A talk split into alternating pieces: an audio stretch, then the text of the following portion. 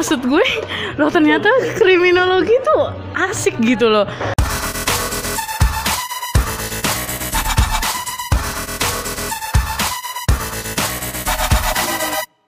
Jakarta 8 Januari 2019 Kali ini eh, podcast Jangan Salah Jalan akan dipandu oleh dua orang kembali setelah kemarin Satria sendirian yang memandu acaranya eh, tentang jurusan eh, bahasa Perancis kali ini kita kembali Pendidikan pendidikan pendidikan bahasa Perancis beda ya Sat ternyata ya Sat ya beda beda Beda. Oke, sekarang kali ini ditemani dua lagi pemuda abad 21 di sini dan bersama Satria. Nah, di tengah-tengah kita sudah hadir eh, salah seorang teman ya, Sat. Salah seorang teman kita bisa dibilang kita sudah berteman dengan dia sudah sedari SMP. Dari SMP, lalu ketika SMA juga satu sekolah lagi, namun ketika kuliah takdir berkata lain. Kita berpisah cukup jauh sekali, baik dari universitas. Sudah ada siapa saat di tengah-tengah kita? kalau gue yang kenalin kayaknya nggak nggak afdol ya, ya. jadi langsung aja deh nih kenalan dong dong kakak cantik asik alhamdulillah ada yang bilang cantik halo eh, baru pertama jadi kayak norak gitu gue ya. Terus halo kenalin gue Endah Eh, sekarang apa lu? Oh kesibukan gue sekarang itu jadi salah satu eh, budak birokrat ya. Selalu ya. Budak birokrat di salah satu lembaga tentang keluarga berencana dan kependudukan gitu. Oh jadi di kerja di lembaga apa? BKKBN. Itu gue sering melihat banget tuh postingannya yang lagi digalakan jangan nikah muda, Indah. Boleh kali sedikit Satya diulas kenapa sih Indah kok kita nggak boleh? Gue pernah dulu pengen cita kita nikah muda loh Indah.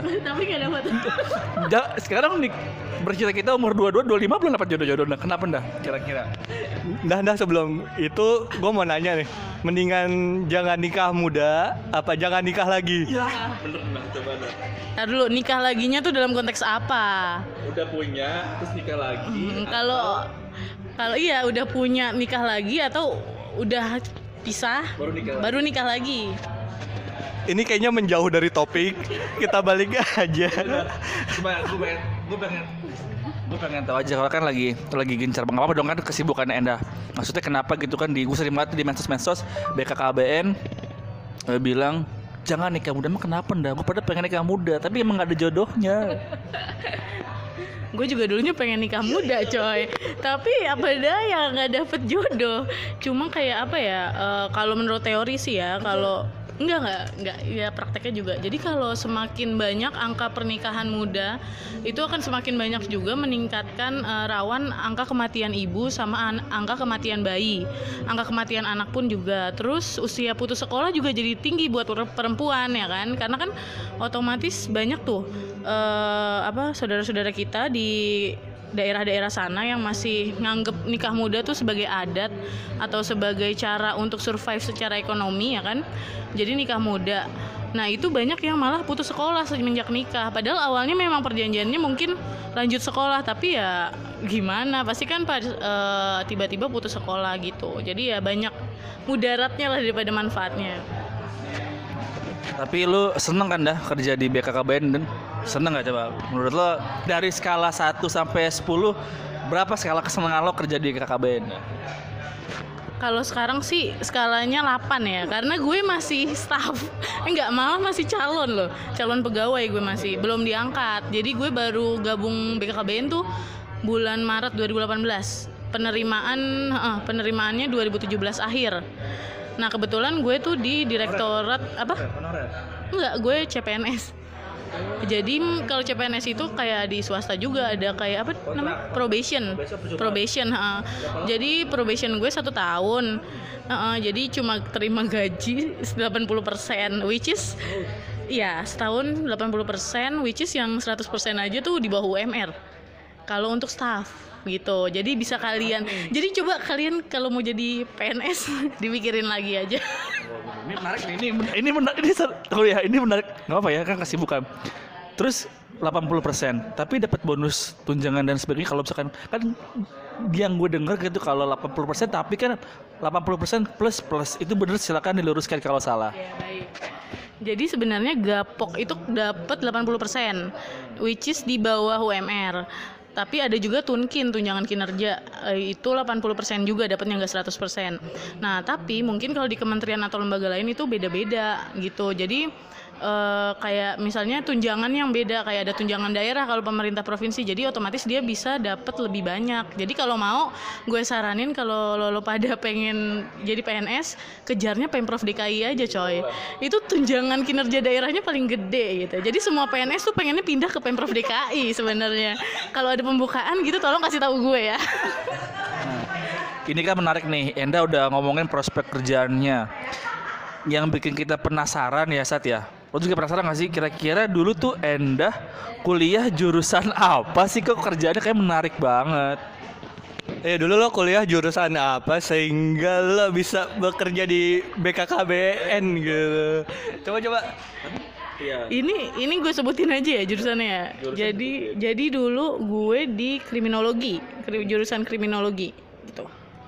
Kriminologi di kampus. Kampus apa nih? Perguruan Tinggi Negeri di Depok yang semua orang tahu lah ya. Kayak semua orang pasti tahu lah ya. Eh, 10 besar Indonesia. Saya mencium aroma-aroma kesombongan di sini. Aro, uh, uh. Nah, nah, nah. Nah, nah, ini kan udah pada tahu. Jadi kan lo kerja di BKKBN, kuliah di kampus di Depok, 10 besar, di kampus negeri di Depok, kriminologi. Nah, sebelumnya tuh pas lo SMA, lo tuh udah tahu belum sih jurusan kriminologi itu apa? Enggak sih, belum tahu sebenarnya gue. Sejujurnya sangat blank dengan kriminologi. Baru tahu setelah lolos masuk kriminologi. Apakah lo udah kepikiran gimana kuliah nanti di jurusan kriminolog? Enggak, enggak, enggak kepikiran sama sekali sih. Soalnya bener-bener kecebur waktu itu gara-gara apa eh, lolos SNMPTN undangan kebetulan. Oh jadi lu lolos nih ya SNMPTN undangan. Eh, dulu eh dapat informasi nih ya. Coba deh gue pengen tahu deh ceritanya deh latar belakang backstorynya kenapa tiba-tiba seorang Endah SMA dijelasin dulu latarnya IPA atau IPS kok tapi bisa bisa tiba-tiba kok lo bisa dapet jurusan kriminolog itu ceritanya gimana boleh diceritain dah. Jadi dulu itu gue di SMA IPS ya, sama kita semua IPS. Ah, karena nggak suka IPA. Terus eh, tiba-tiba ada muncul eh, apa isu SNMPTN undangan. Terus akhirnya ternyata alhamdulillah gue masuk deh tuh ke list anak-anak yang eh, bisa ngajuin SNMPTN undangan. Eh, terus ya udah konsul ke guru BK. Guru BK-nya waktu itu Bu R. Bu R ya. yang di episode yang di episode kedua saya bilang seperti aura kasih dijilbabin Oh iya, iya itu Bu R tuh cantik banget sumpah. Dia tuh awet muda banget tuh. Gue tuh kalau kurus pengennya kayak gitu tuh. Enggak, gue nggak gendut kok. Terus Ya, jadi karena gue sama Bu R tuh konsultasi dulu kan. Kita kayak kira-kira mau jurusan mana yang change-nya tuh gede biar bisa lolos SNMPTN undangan. Kebetulan waktu itu gue pengen banget masuk ekonomi. Ekonomi, eh, ekonomi di kampus itu. Iya, tapi tetap harus kampus itu gue maunya. Terus habis itu karena kalau nggak di situ gue otomatis harus swasta karena bokap gue pengennya gue di Jakarta gitu tetap nggak boleh ngekos gitu loh nggak boleh ngekos nggak boleh ngerantau gitu nggak boleh nah terus Sorry, lo bilang kan orang tua lo mau di Jakarta aja kan ya kuliahnya yang negeri. Emang di kampus negeri di Jakarta cuma itu doang? jadi jadi gini loh. Nggak nggak eh emak bapak gue lulusan itu loh. Itu yang Arion itu itu. Cuma masih di eh iya di Arion ya benar emak gue sama bapak gue kan guru coy. Jadi di situ. Nah jadi dulu tuh emang prospeknya gitu kalau gue nggak dapet yang di Depok ini atau enggak yang di Jakarta itu negeri Jakarta itu yang di Arion. Terus kalau enggak ya udah blas langsung swasta Jakarta aja yang penting gitu. Apa lagi tadi ya? Kenapa lo bisa Oh ya. Ah, terus kan eh, SNMPTN undangan, terus konsultasi sih, eh, konsul sama Bu R kan. Nah, terus kita lihat eh, kamu maunya apa? Pertama pasti ditanya gitu dong. Terus eh, gue jawab maunya ekonomi, Bu, gitu. Karena emang gue suka pelajaran ekonomi. Terus habis itu kita lihat ternyata change-nya tuh kecil karena kan di situ udah kelihatan tuh mana yang daftar, mana kuotanya gitu kan. Terus habis itu kita lihatlah jurusan lain gitu. Terus dia karena gue IPS kan, jadi dilihatnya yang fisip. Nah, terus pas dilihat wah ada kriminologi nih. Terus kayak lucu ya gitu kan. Terus habis itu, oh ya wes berarti ini aja kata si Bu R ini gitu. Terus gue tanya, "Emang apa sih itu, Bu?" gitu. Terus dia cuma bilang, "Ya itu loh yang kayak detektif-detektif gitu," katanya gitu. Terus dia dia cuma pernah ngasih tahu salah satu profesor ya eh, Prof Adrianus Meliala tuh waktu itu kan emang lagi in banget kan dan emang Forensik. Yang forensik pasti itu yang sekarang udah almarhum kan?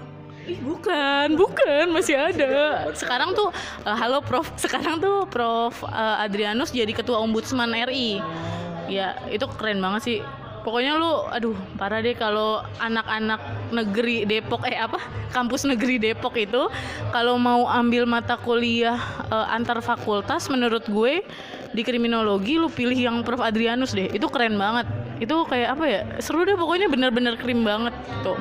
Nah terus tadi kan ya udah pas kriminologi lucu ah lucu nih. Terus change-nya juga gede gitu karena kan yang daftar dikit dan kuotanya ya dikit juga sih. Terus habis itu yang daftar dikit? Kuota dikit. Jadi kan ada change dong buat gue. Terus akhirnya ya udah. Terus eh, ya udah gue daftar terpilih lah.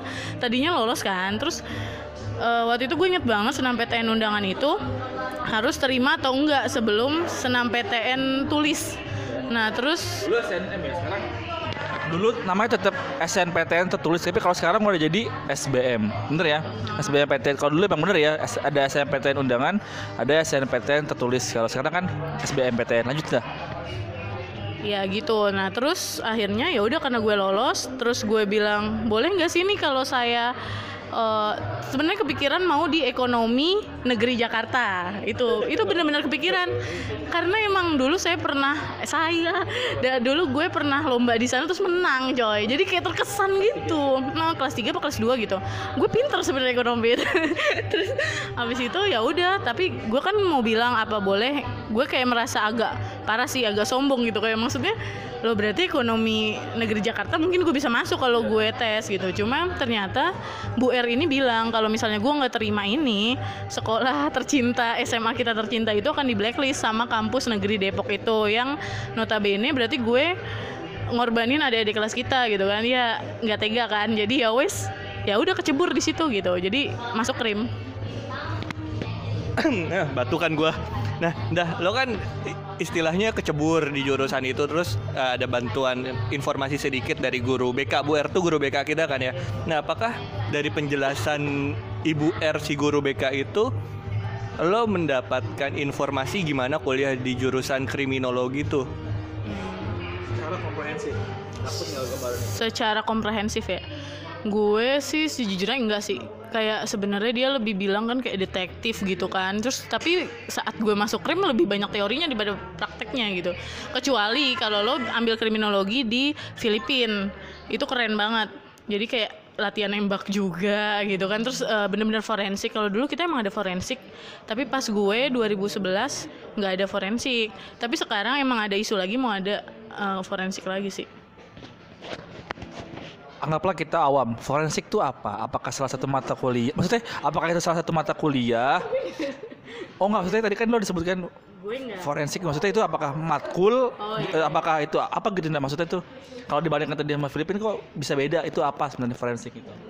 Eh, ke matkulnya sih lebih ke matkulnya. Jadi kayak kalau di Filipina tuh lebih banyak prakteknya juga. Kayak praktek menembak, pra- praktek forensik. Tapi bukan kedokteran forensik ya beda. Gitu. Ah, dah dah. Eh, kita agak balik dulu ke awal. Nah, apakah menurut lo guru BK lo di sini membantu untuk lo memilih mata kuliah? Padahal dari penjelasannya dia sendiri, dia cuma bilang kriminologi itu kayak detektif.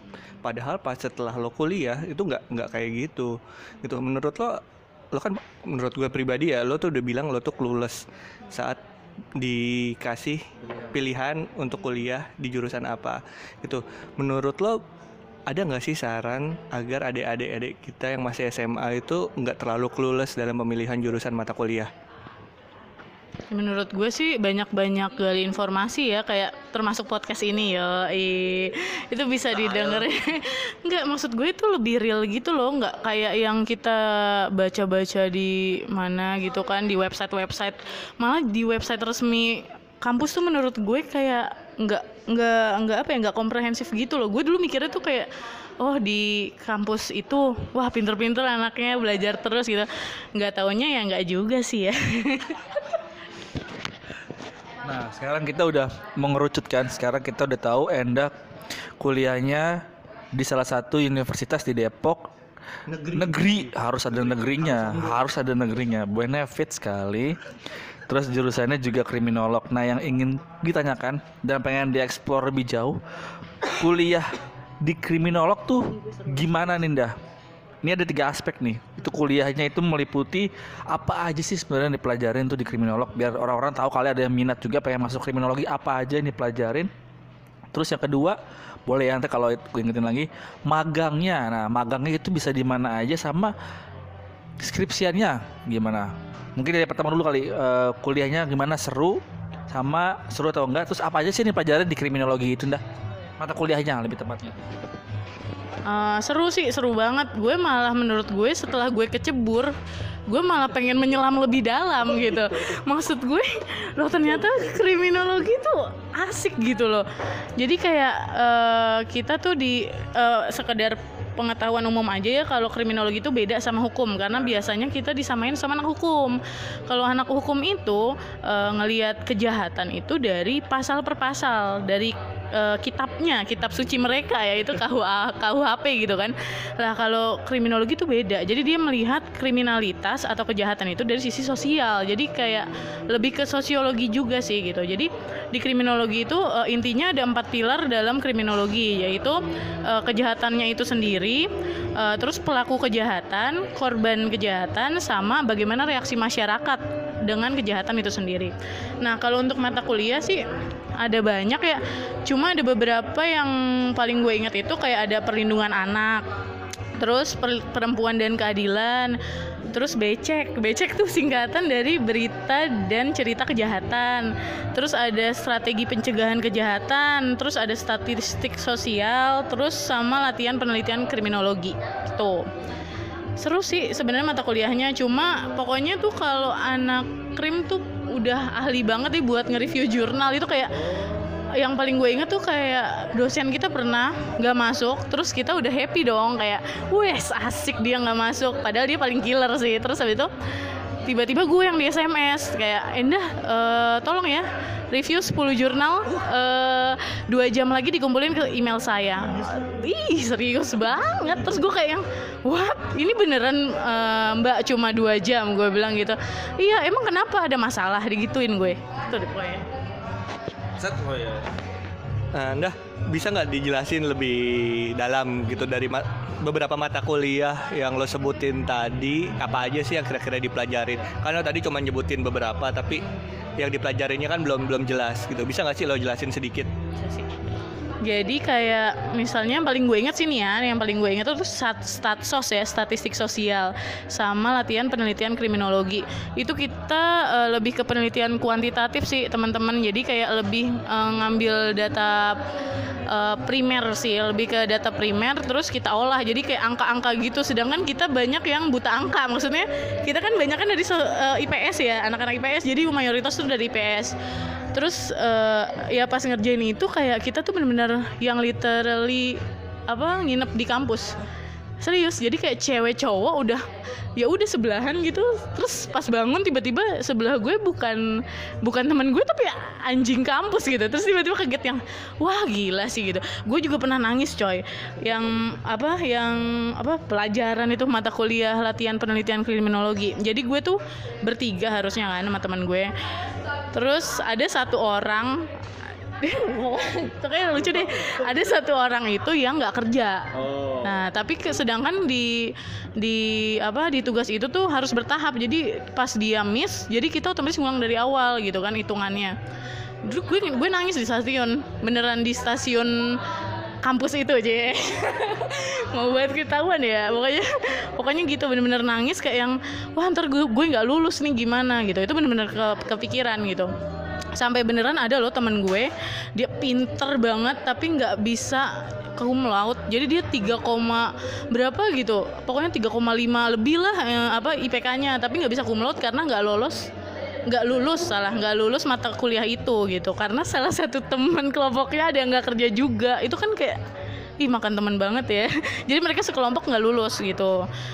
Gitu deh makanya gue nangis nggak lulus berarti pas cetak KRS eh gitu apa gimana Iya, eh jadi harus ngulang lagi gitu. Jadi dia nggak kumlot gara-gara itu. Udah ya. Terus eh, gue juga ingat eh, SPK, strategi pencegahan kejahatan. Jadi kalau dulu tuh SPK tuh kayak gimana sih kita merekayasa merekayasa tempat atau lingkungan eh, biar meminimalisir tindakan kejahatan gitu. Jadi kayak contoh prakteknya tuh dulu gue eh, dibagi per kelompok.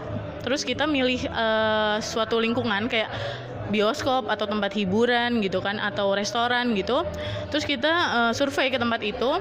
Terus kita mau eh, apa ya menindaklanjuti itu apa? Kayak dipasangin CCTV di mana terus ada security di mana gitu kan. Nah itu eh, kita benar-benar bikin maketnya gitu seru sih maksudnya jadi tapi ya nggak sebagus anak arsitek sih cuma ya lucu aja gitu kita bikin maket sampai seharian gitu kan terus habis itu sama ada juga Market tuh apa market? Awam nih awam awam awam. Maket apa sih maket gimana ya? Eh, bukan bukan M- Mungkin market tuh kayak miniatur, Ah, iya. miniatur tempat gitu. Ah. mini miniatur berskala gitu ya. Ya kan jadi ada skalanya gitu kan berapa banding berapa gitu. Kalau nggak tahu Google aja. Iya jadi seru banget dulu gue keragunan gue gue eh, pokoknya keragunan gitu. Terus habis itu eh, bikin SPK-nya jadi kita mau naruh CCTV di mana, mau naruh security di mana gitu-gitu sih. Sama paling perempuan dan keadilan sama perlindungan anak itu lebih ke apa ya? Lebih ke ah juvin juvenile ya kenakalan anak lah gitu. Gue gitulah. Nah, menarik ya banyak eh, jurusan-jurusan yang kalau dibayangin kayaknya seru gitu ya. Nempatin apa CCTV kan nggak boleh di titik buta ya dah. Setahu gue tuh nempatin CCTV itu nggak boleh di titik buta ya nggak sih? Blind spot. Blind spot, jadi nggak boleh. Itu juga menarik. Nah, terus pertanyaannya, kalau di psikologi itu ada penjurusan, penjurusan-penjurusannya di satria di akuntansi pun ada. Apakah berlaku juga nih di kriminologi? Apakah di kriminologi juga ada penjurusan-penjurusan dan jabarin sedikit tuh kalau misalkan ada per penjurusan itu ap- apa aja gitu dijabarin. Jadi kalau waktu zaman gue ya 2011 itu kalau di kampus gue kriminologi itu ada tiga jurusan. Yang pertama itu penegakan hukum, disingkatnya Gakum biasanya. Terus yang kedua itu ada kriminologi jurnalistik dan yang ketiga itu kejahatan transnasional atau transnational crime.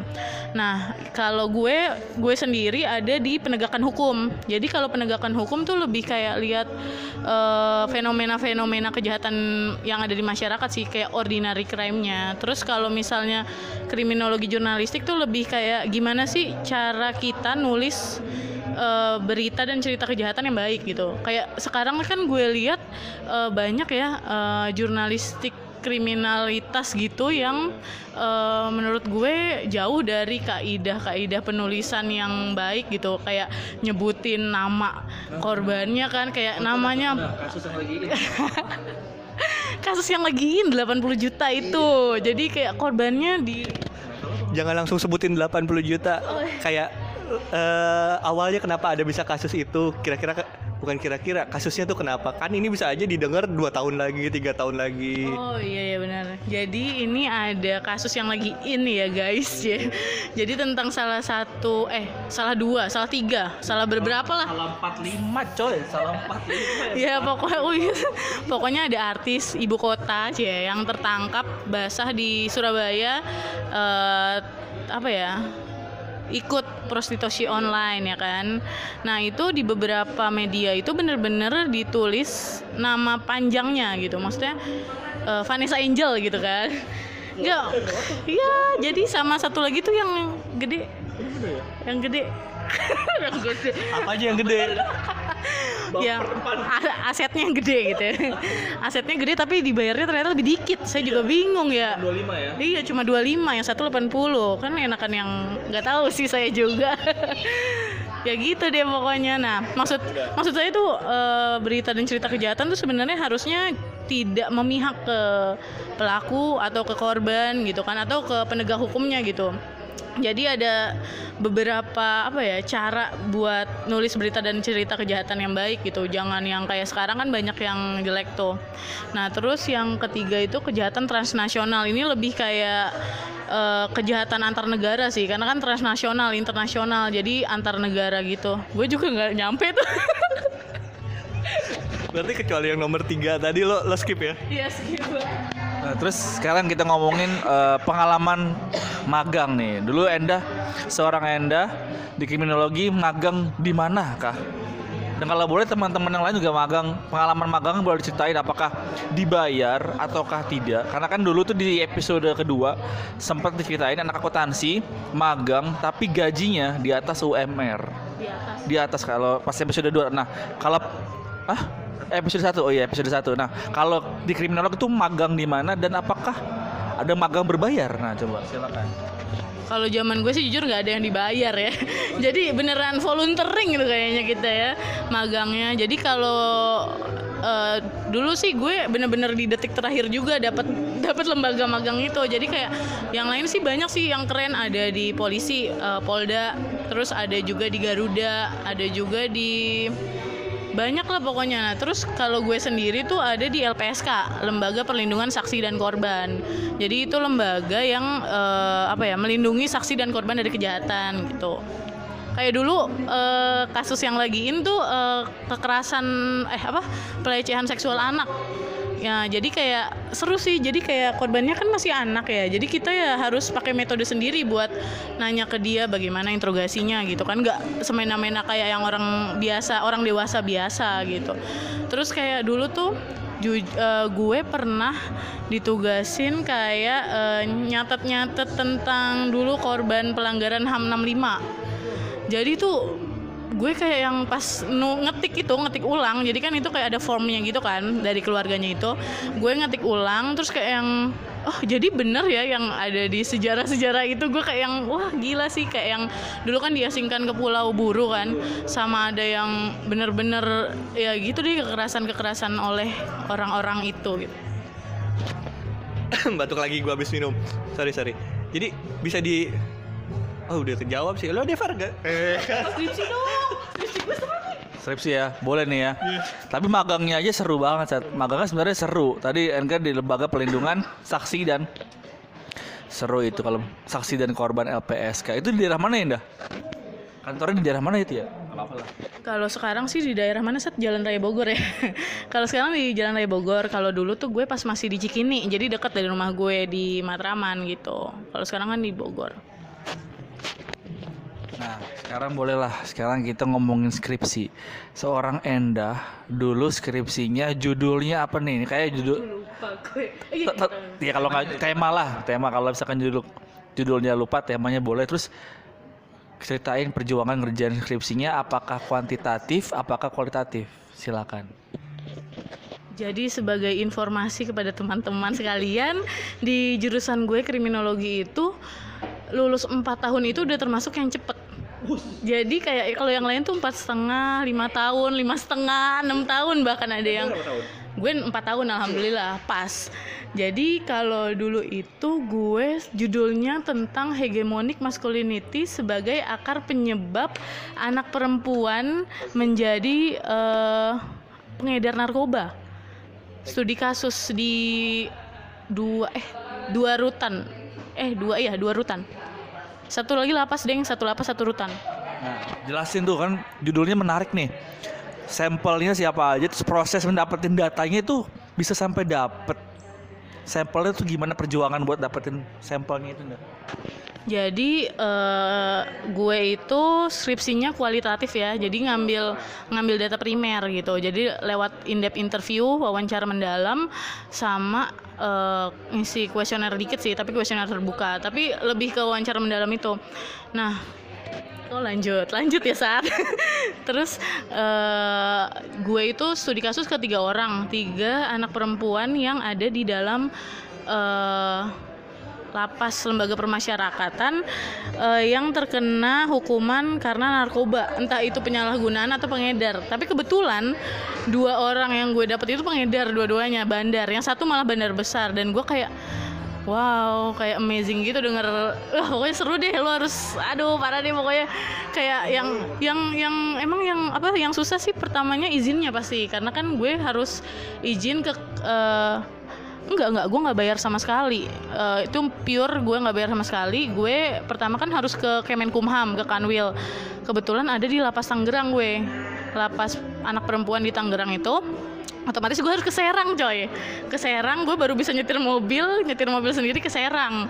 Terus tuh kayak yang aduh capek banget gitu kan. Sekarang sih gue nggak bisa nyetir mobil juga lupa. Terus habis itu itu nekat aja gue nyetir mobil sendiri ke Serang. Terus habis itu eh, ke Kanwil Serang gue eh mana nih? Ya atau kliponnya nah terus gue sampai sana udah tutup kantornya. Itu kan ngeselin ya. Terus habis itu akhirnya besoknya gue datang lagi ya. Pokoknya izinnya sih yang lebih susah. Tapi gue eh, kayak izinnya sendiri tuh udah makan waktu tiga bulan atau empat bulan sendiri. Sedangkan gue izin doang itu dari Kemenkumham kan otomatis. Terus Kanwil per Kanwil terus turun lagi ke Kalapas atau Karutan. Kayak ya? ya gitu loh dis- disposisinya panjang. Nah terus malah pas wawancara tuh gue cuma sebulan sebulan lah nggak nyampe sebulan lebih beberapa minggu gitu. Terus habis itu ya udah jadi mau ngomong apa Kooperatif nggak tuh tiga orang yang lo wawancara itu apakah kooperatif? Jangan-jangan tertutup atau kan terbuka sama lo nih? Dan kalau terbuka pendekatannya apa yang lo lakuin kalau misalkan mereka susah atau ter- tertutup? Kira-kira gimana tuh tiga orang yang lo wawancara itu? Sebenarnya dua orang yang ada di rutan Salemba itu ko- kooperatif banget.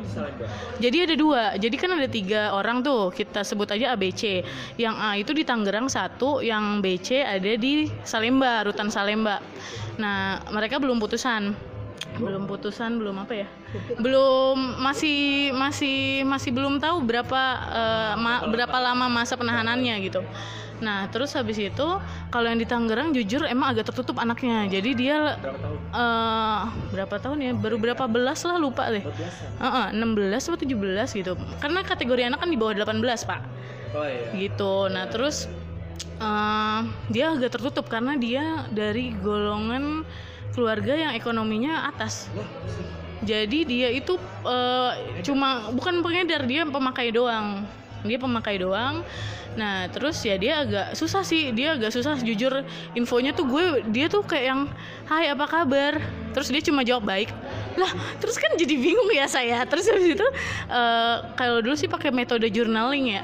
Jadi dia suka nulis kebetulan dia suka nulis. Jadi gue kasih dia satu binder apa sih namanya sekarang ya binder notes notes ya. Satu notes gitu gue bilang apa pun yang lo pikirin setiap malam atau ten- eh, coba lo tulis di situ gitu. Jadi ya emang itu guna banget sih notes itu. Jadi dia kayak banyak curhat di situ. Jadi kayak diary-nya dia juga sih gitu. Dari situ gue banyak menggali-gali setelah gue tahu oh dia tuh anaknya gini ya ternyata gitu. Nah terus gue gali-gali dari ya biasalah film kesukaan musik kesukaan. Jadi akhirnya ya akhirnya kooperatif juga gitu. Kalau yang si B dan C yang di rutan Salemba itu sangat-sangat kooperatif. Gue gila sih kayak punya adik lagi gitu malah. Apa pengedar yang B apa yang C? B dan C pengedar. Jadi yang yang C itu pengedar besar, bandar besar. Jadi dia tuh sampai bilang sama gue udah bisa beli dua mobil coy. Mobilnya mobil apa dulu nih? Oh mobil mobil Jazz waktu itu katanya Honda Jazz kan lumayan coy Honda Jazz baru loh. Terus habis itu kayak yang gue kayak yang apa gue ngedarin aja ya gue bilang. Terus kayak yang kalau yang B kalau yang si B juga pengedar sih tapi pengedar karena eh, pacarnya pengedar. Jadi gue kan tadi kan judul gue hegemoni masculinity. Jadi tiga orang ini gue tarik benang merahnya itu menjadi Pengedar. pengguna dan pengedar narkoba itu ternyata karena laki-laki di sekitarnya. Jadi kayak lebih ke pasangannya sih semuanya terus kayak yang waduh gue langsung gitu kan terus yang B sama C ini sih kayak lebih jadi kayak adik gue sendiri ya kemarin aja terakhir si C ini udah keluar udah bebas eh ngundang gue ke nikahannya. Terus kayak gue tuh dari Jakarta ke mana itu Ci? Apa itu? Gue nggak tahu naik motor. Karena emang iya naik motor capek banget. Dibonceng sih gue kan gue nggak bisa naik motor coy. Terus ya udah kayak ya udah gue kayak dapat adik baru sih kalau mereka bertiga. Cuma yang si A ini gue jujur eh, lost contact. Karena dia emang Yang A yang di Tangerang. Karena kan emang dari awal dia juga agak tertutup kan sama gue. Tapi si B dan C ini sampai sekarang masih kontak-kontak kan jadi kayak mereka berdua udah udah sam udah keluar udah bebas. Terus kayak yang masih kontek-kontekan terus masih yang ya udah gitu masih yang eh, sekarang kerja di mana gitu-gitu. Enak sih jadi kayak punya adik lagi. Lo nggak mau jadi bandar? bukan bukan jadi bandar gue malah pengen make Canda ya, canda ya. Oh beneran, beneran, Kayak- beneran. jadi gini dulu si B ini pernah bilang ke gue gini kak pakai ini aja apa eh, sabu kata dia gitu. Kenapa? Kakak kan mau kurus kata dia gitu. Jadi kayak kalau mau kurus tuh guys ya. Ini jatuh lagi kan. Pakai aja sabu katanya. Jadi di, kalau sabu kan kuat melek ya kan. Melek begadang terus kuat nggak makan katanya. Jadi kayak yang sabu kalau ganja malah lebih kayak ke makan terus gitu kan ya kan terus habis itu kayak yang ngefly gitu gitu jadi gue direkomendasiin kalau mau pakai sabu aja kata si B dan C Gue tadi mau nanya kalau lem apa gitu. Enggak, enggak, enggak, balik dulu. dia nggak lem Oke, balik dari bahas skripsi lo lagi nih. Apakah di jurusan kriminolog skripsinya tuh rata-rata datanya primer? Data primer tuh kayak data eh, sumbernya langsung dari orang pertama, gitu gak sih? Iya sih, emang susahnya di situ karena kita lebih banyak yang kualitatif. Kalau kuantitatif kan kuesioner ya. Kuesioner pun kita harus minimal tuh berapa ya dulu? Enggak, berapa ratus, Pak. Mohon maaf, emang kampus saya tuh terlalu tinggi, Pak, standarnya. Saya juga bingung. Nah, pokoknya gitu. Jadi kualitatif pun kita emang banyak yang susah. Kayak temen gue tuh ada yang mendekat gue sih. Dia itu neliti tentang anak pang perempuan pang. Nah terus kayak yang aneh sih unik. Cuma kayak yang lama sih karena kan emang itu primer dan susah nyari narasumbernya Berarti untuk jurusan kriminolog skripsinya mayoritas adalah data primer, jadi bakal nanti sering-sering keluar masuk lapas.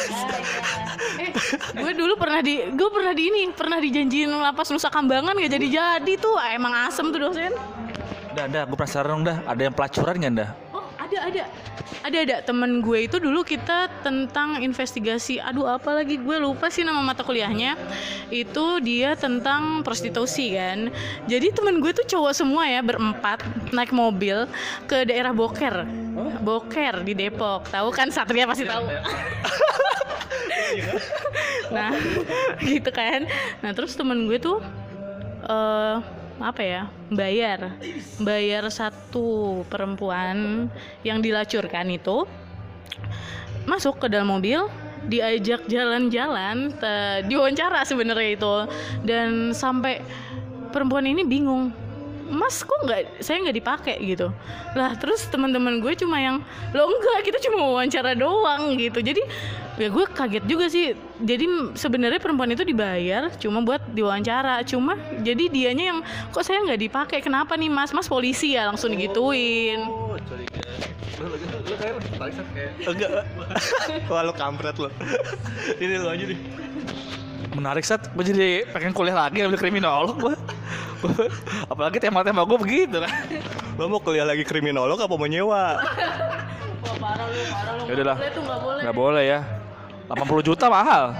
80 juta mahal. Sulit. Nah, sekarang, dah pertanyaannya. Kalau udah lulus nih, pekerjaan apa sih yang sesuai dengan jurusan kriminolog? Kans kerjaannya itu apa aja nih? Otomatis kan kalau kita kuliah, pengen tahu dong kerjanya itu bakal di mana aja dan kalau bisa apa aja, di mana dan apa aja yang bisa dikerjain oleh anak kriminolog. Silakan. Jadi gue lebih yang ke real aja kali ya langsung. Eh, kalau dulu kan kayak apa awang-awang doang gitu. Sekarang kan gue dan angkatan gue udah ke dunia kerja ya, udah kita lulus 2015 kalau gue. Eh, kalau beberapa yang lain ada 2016, ada 2015 juga. Berarti kan udah tiga tahun berjalan. Jadi teman-teman gue itu ada yang di eh, MK Mahkamah Konstitusi Terus ada juga yang di BNN, narkotika. Terus di BIN itu keren banget sih Intel. Kayak semua hampir semua anak krim sih pengen jadi BIN, nggak juga sih, cuma keren aja gitu. Terus polisi, temen gue juga ada yang polisi. Eh, terus eh, jurnalis juga ada karena kan tadi ada kriminologi jurnalistik ya. Nah terus eh, di kantor detektif juga ada kantor investigasi perusahaan gitu perusahaan investigasi. Sama sekarang sih banyak yang di e-commerce juga kan lagi in tuh ya sekarang ya. Nah tapi di bagian anti fraudnya gitu. Gitu sih kebanyakan sama di BKKBN satu nyasar. Wah, prospek kerjanya lumayan banyak. Dan yang menarik itu tadi ada kerja sebagai detektif, bener dah? Sebagai detektif tuh dia, gue gini deh, pengen nanya, emang detektif tuh ada ya di Indonesia? Jadi sebenarnya hmm, detektifnya nggak kayak yang bener-bener kayak di film sih. Jadi emang banyak yang ambil per- eh, pertama pasti dari data sekunder ya, dari data basicnya, basic datanya dari sekunder. eh, terus kemudian baru ke data primer gitu. Jadi ada yang di lapangan juga, yang di lapangan itu ya emang ya kayak detektif sih. Jadi kayak eh, lebih ke perusahaan sih apa investigasi perusahaan. Jadi kayak apa benar eh, biasanya orang yang nyewa itu yang mau nanam saham di perusahaan itu. Eh, iya jadi diselidikin dulu eh, apa emang saya mau naro eh, apa saham di tempat yang benar. Jadi dilihat prospek perusahaannya terus gimana lingkungan kerjanya gitu sih lebih kayak gitu. Tapi mata kuliahnya sendiri nggak ada gitu kan? Oh, ada sih yang tadi pelacur itu loh. Eh maaf maksud saya perempuan yang dilacurkan. Iya mata kuliahnya namanya investigasi apa gitu lupa deh. Cat 3 SKS. Berarti intinya investigasi bukan cara-cara kuntit gitu ya? Oh enggak enggak enggak cara-cara kuntit sih cuma lebih kayak gimana caranya menggali informasi aja sih dari eh, narasumber-narasumber yang eh, unik gitu, yang nggak semua orang bisa ngegali informasi dari mereka. Oke, thank you. Nah, ini kayaknya kalau menurut gue juga ya udah cukup untuk jurusan bagaimana jurusan kriminolog. Eh, Seru-seru. Nah, pertanyaan selanjutnya dah. Ini personal lo sendiri. Lo tuh salah jurusan gak sih? Sebenarnya awal-awal sih gue kayak astaga, astagfirullah, gue masuk kriminologi dan bener-bener yang pertama tuh masuk krim tuh yang gue lihat adalah senior senior senior senior gahar sih, senior senior gahar yang kelihatannya gahar tapi ternyata baik banget gitu. Eh, terus kayak lebih banyak laki-lakinya sih dibanding perempuan waktu waktu zaman gue ya nggak tahu zaman sekarang. Dan kayak sebenarnya awalnya ngerasa ngerasa kecebur. Cuma ya tadi yang saya bilang jadi kayak lebih jadi malah lebih pengen nyebur lebih dalam gitu men- menyelam lebih dalam. Karena menurut saya ya kriminologi itu penting sih menurut saya jadi kayak beda dari yang lain dan melihatnya dari sudut pandang lain gitu ketika semua orang cuma bisa ngejudge eh, pelaku kejahatan atau korban pemerkosaan tapi kita bisa lihat dari sisi lain gitu Jadi ibu salah jurusan apa enggak? Jadi gimana dijawabnya ya? Kalau awalnya jujur merasa salah jurusan, tapi setelah eh, menjalaninya, setelah tengah-tengah menjalani itu saya malah merasa bersyukur ada di kriminologi. eh nah, lo kan tadinya yang merasa salah jurusan, kemudian akhirnya lo, oh ternyata enggak lo, gue nggak nggak salah jurusan gitu. Nah, di momen kapan lo yakin, oh ternyata gue nggak salah jurusan gitu? Itu pas gue jujur sih gue suka banget sama mata kuliah perlindungan anak sama perempuan dan keadilan ya. Jadi kayak ya gue senang aja gitu ngelihat sisi lain dari yang orang-orang tuh nggak tahu, yang nggak kepikiran akan eh, apa nyari ke situ, ha, nyari ke situ gitu. Yang orang-orang cuma lihat dari luarnya aja, padahal dalamnya ya banyak gitu yang harus dikupas. Yang orang-orang cuma ngejudge pelaku kejahatan aja, ngehukum aja, cuma eh, nggak tahu gitu apa yang jadi eh, alasan dia melakukan kejahatan itu gitu kan.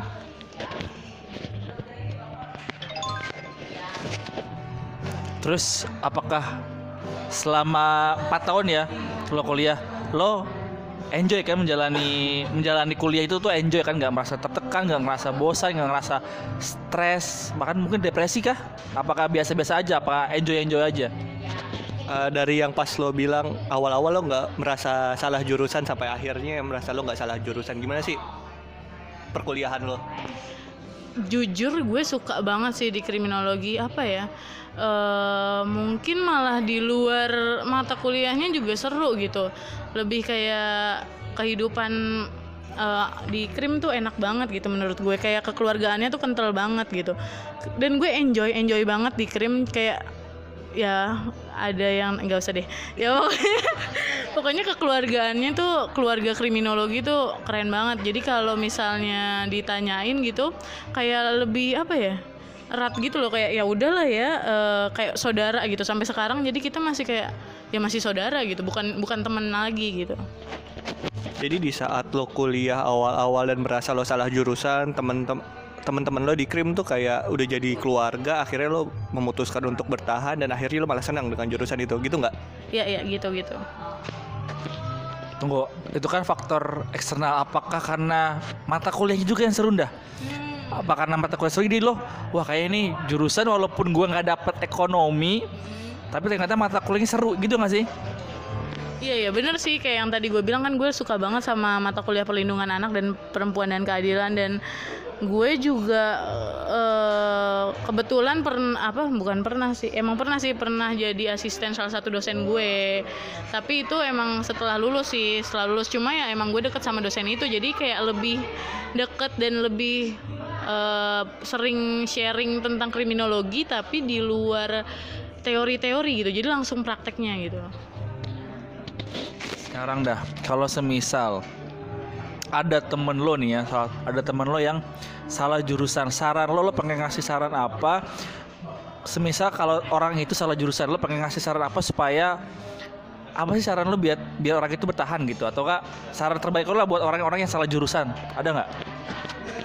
Ya menurut gue bisa dilihat dari sisi lainnya aja sih. Mungkin menurut gue itu jalan Tuhan buat lo ya kan. Maksud gue kayak ya lo syukurin aja gitu lo udah di situ. Mungkin bisa aja di jalan itu lo malah lebih baik daripada jurusan yang lo pengen gitu. Kayak gue kan eh, tadinya pengen ekonomi terus jadi kriminologi gitu. Nah terus alhamdulillahnya setelah lulus malah walaupun gue nganggur sempat nganggur gue eh, enam bulan apa 8 bulan gitu. Iya lumayan lama.